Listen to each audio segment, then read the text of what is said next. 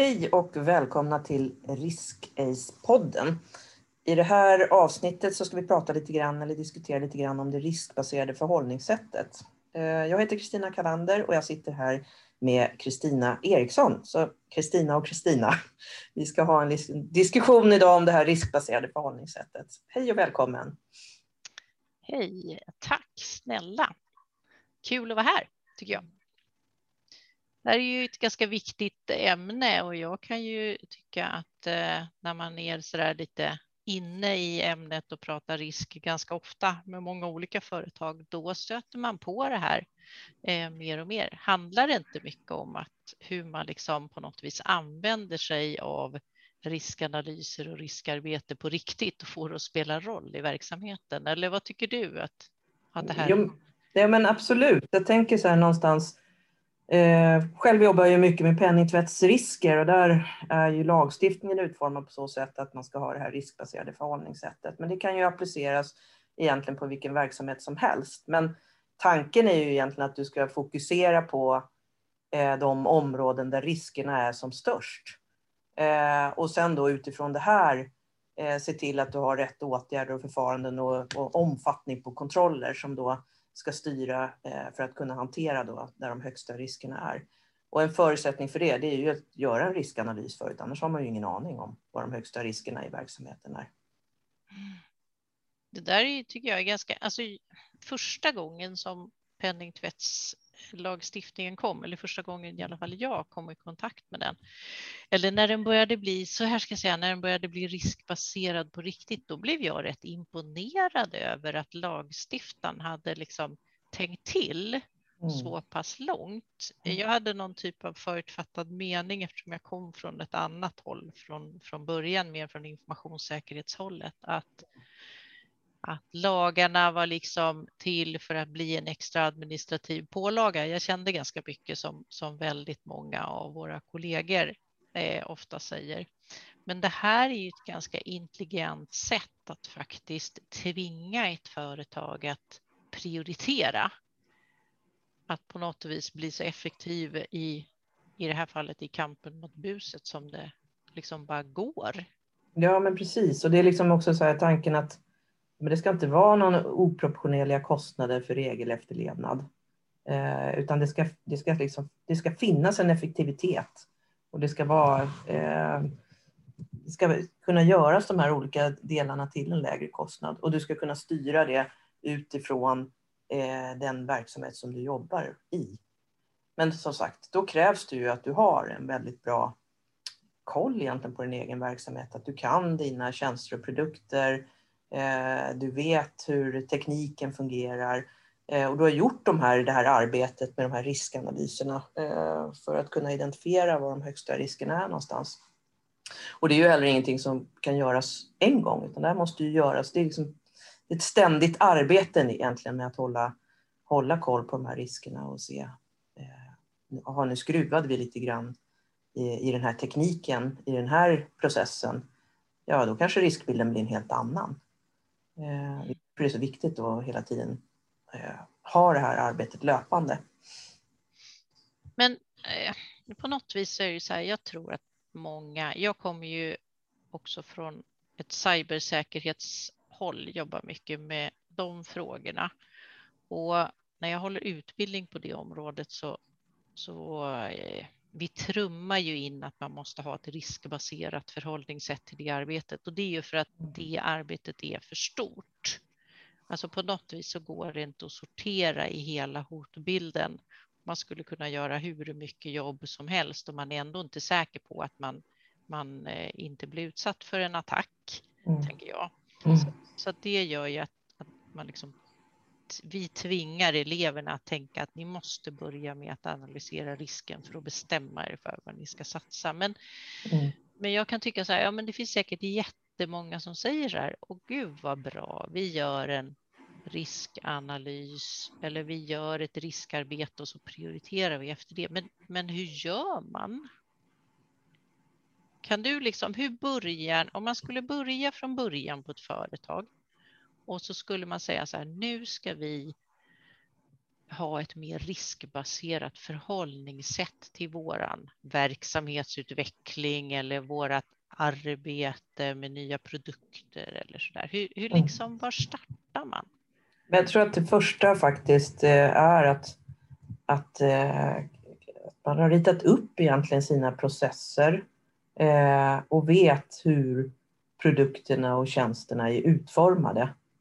Eh, och så började jag titta då på de här, på de här tjänsterna och produkterna för att då göra någon form av och det säger ju som sagt i penningtvättsregelverket säger det, då ska du göra en, en hot och sårbarhetsanalys egentligen för att se vad finns det för hot?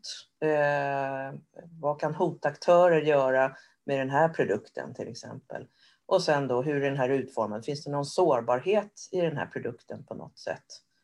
En sårbarhet i den här tjänsten som gör att eh, vi måste kanske sätta in olika typer av, av kontroller eh, för att kunna hantera risken. Och med sårbarhet så menar man alltså någonting som gör att det är enklare att i det här fallet tvätta pengar eller i mitt fall att utföra en cyberattack? Eller hur ska man se på vad ja, är sårbarhet? Men, ja, men precis. Men till exempel så skulle man ju kunna jag kan ta som exempel eh, eh, om man handlar med onoterade aktier. Eh, de har ju en helt annan sårbarhet i sig än till exempel en noterad aktie därför att här har du ju inte samma eh, liksom genomlysning på den här typen av produkt, vilket är svårare. En sån typ av sårbarhet. Eller också om du har ett, ett, eh, ett sparaprodukt till exempel som du använder för att, om vi nu, nu pratar vi rena AML-risker, men om vi har en sparaprodukt Eh, eh, till exempel ett aktiefondkonto som används för eh, att köpa aktier och fonder och så istället så slussar du bara pengarna rakt igenom den här produkten. Då kommer mottagande bank kommer det se ut som att det här är ju pengar som kommer från ett sparande. Det är väl helt okej. Just det. Så det är lite sådana bitar som är, som är kopplade till sårbarheten. Mm. Och då har man sin hot och sårbarhetsanalys som jag gissar är dokumenterad på något vänster. Och vad gör ja. man med den sen då? Ja men precis, för det är där, du, du måste ju ha den och den måste vara helt dokumenterad. Och sen utifrån det, sen kommer ju då själva eh, riskbedömningen in. Eh, där du då ska göra de här, alltså stor, hur, hur stor är sannolikheterna, vad blir det för konsekvenser, eh, hur stor är riskexponeringen? Mm. Ja, vikta de här, det är då själva liksom, den här riskanalysen görs egentligen. När du mappar in eh, de här olika riskerna och, och, och, får en sannolikhet konsekvens och ett värde. Eh, och sen så kan du utifrån det värdet sen eh, egentligen bestämma dig för vad ska du göra för mitigerande åtgärder? Vad ska du göra för åtgärder för att kunna hantera den här risken? Vissa risker kommer ju vara, ha ganska, vara ganska låga, det kanske vi inte behöver göra någonting med. Vi är medvetna om dem, men vi låter dem vara precis som de är. Andra risker är så höga att här måste vi göra någonting för annars kommer vi inte kunna ha den här typen av produkt. Risken är alltför hög. Vi måste sätta in någon mitigerande åtgärd. Just det. Jag brukar också tänka att eh, på de högre riskerna så måste du få in de här mitigerande åtgärderna snabbare. Det tycker ja. jag nästan är, är viktigt. Där får jag min riktiga prioritering, liksom fokus på det som är rött eller som är högst risk. Om du bestämmer dig för att överhuvudtaget liksom acceptera den risken att du vill, du vill ändå köra, ja. då måste du åtgärda det helst innan du drar ja. igång. Eh, men annars med jätte, jättehög prio. Men precis, och det där, det där hänger ju ofta ihop med egentligen eh, alltså den interna styrningen och kontrollen också, för det är ju lite grann vad, vad styrelse och ledningen har satt för olika aptiter och limiter och bestämt sig för att hur mycket risk är vi beredda att ta. Eh, och det, beror ju då helt på vad det är för område, men vissa områden där ska man ju ta en viss risk, medan andra områden finns det kanske ingen aptit alls. Utan mm. försöker man jobba som att vi ska försöka liksom minimera risken. Men om man tittar på det här riskbaserade förhållningssättet, där är det ju inte så att det är tänkt att det är någon, man ska jobba mot en nollvision. Om man tar till exempel att upptäcka eller förhindra upptäcka penningtvätt. Det är inte tanken att man ska jobba mot nollvision, för det kommer aldrig att, att gå fullt ut. det kommer alltid att finnas eh, något fall. Men, men att man i alla fall är så pass medveten att man har gjort allt vad man, vad man kan för att kunna hantera de här riskerna och också har den kontrollen på sin egen verksamhet och vet mm. någonstans man ska lägga eh, effektiva eh, alltså kontroller och resurser och fördjupade eh, utredningar till exempel. Just det. Men om man tänker, när man säger så här riskbaserat förhållningssätt, mm. penningtvättsregelverket, det är ju lite lyxigt för där kommer det mm. som ett lagkrav. Där tvingar man ju faktiskt in hela företaget, vare mm. sig de vill eller inte. Andra områden där man skulle kunna liksom applicera det, där kan jag tänka på, jag, jag fastnar lite på det där som du sa med att man kartlägger sina processer och tänker risker i, i processen. Eh, där brukar jag, eh, man kan ju inte riskanalysera allt heller, så jag brukar ganska ofta fundera eller råda mina kunder till att de ska eh, prioritera och riskanalysera där de har ändrat mycket. Mm. Eller kanske inför en förändring till och med. Det tycker jag är ganska smart, liksom. Smart ja, men precis. att bestämma sig för. Ja. Eller, mm. och, då, och man tittar till exempel på, men det här kan man ju också översätta till alla, men tittar man på, på bank och finansvärlden, där har du ju ett, ett, ett, ett eh, regelkrav ju faktiskt, ett, eh, eller föreskriftskrav att du ska dokumentera dina kritiska processer. Eh, och då ska du ändå börja med att identifiera vilka processer är kritiska. Eh, mm. Och det kan man ju också kunna ha i en annan typ av verksamhet. Liksom, vad är det för kritiska processer vi har? Eh, och där börjar vi ju göra de här riskanalyserna. Vi ja, precis. gör vi en riskanalys på den. Mm. Eh, och sen att man kopplar ihop det här med liksom hela affärsfrågan också. För det handlar inte bara om kanske eh, att det ska vara eh, vi ska uppnå en viss regelefterlevnad eller liknande. Vi vill ju också ha en, en, en, bra affär och att det ska vara smidigt. Om det nu är en kundprocess till exempel så ska det vara smidigt för kunderna eh, och kunna nyttja den här processen. Eh, fast vi ska mm. ta, kunna hantera riskerna och ha koll på riskerna. Men tänker du att man, man skulle använda det som en del eh, nästan i, som i sin innovationsprocess i det läget då? Säg att du vill att kunderna ska ha, och målet är att kunderna ska ha en så smidig användarupplevelse som möjligt, då skulle mm. man faktiskt kunna äh, äh, äh, liksom ha ett, ett riskbaserat förhållningssätt även på ett sånt typ av arbete. Ju. Ja, Vad är absolut. risken att en kund fastnar i inloggningen till exempel mm. och på grund av det eh, inte kan utföra sin tjänst? Eller vad är risken att våra prissättning är för hög. Det kanske inte är en användarupplevelse just nu, men mm. att vi har otillgängliga tjänster, då, säger vi, och eh, eh, på grund av det går till konkurrent. Mm. Så där skulle man ju faktiskt kunna använda liksom risk eh, riskanalysen även i sådana typer av beslutsträd kanske. Ja men verkligen. Jag tror att det liksom, eh, det, man har flera olika perspektiv när man gör de här riskanalyserna och vad man kan använda det till. Eh, och eh, effektivitet i affären är en del. Eh, effektivitet i regelefterlevnad är en annan del.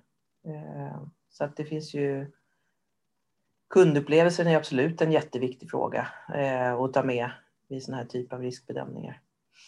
Mm. Jag håller med och som jag håller på med där med informationssäkerhet och liksom mm. att du har processer som är robusta, den interna kontrollen. Mm. Där har också sådana såna områden. Jag jobbar ju rätt mycket med projekt också. Och det är klart att man kan göra projektriskanalyser. Det tror jag ganska många liksom har varit med om och det har funnits i projektmetoderna rätt så ofta.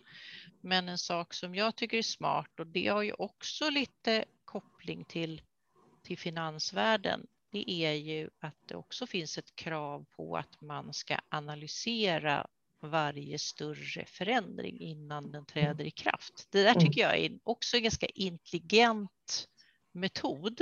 Mm. Så.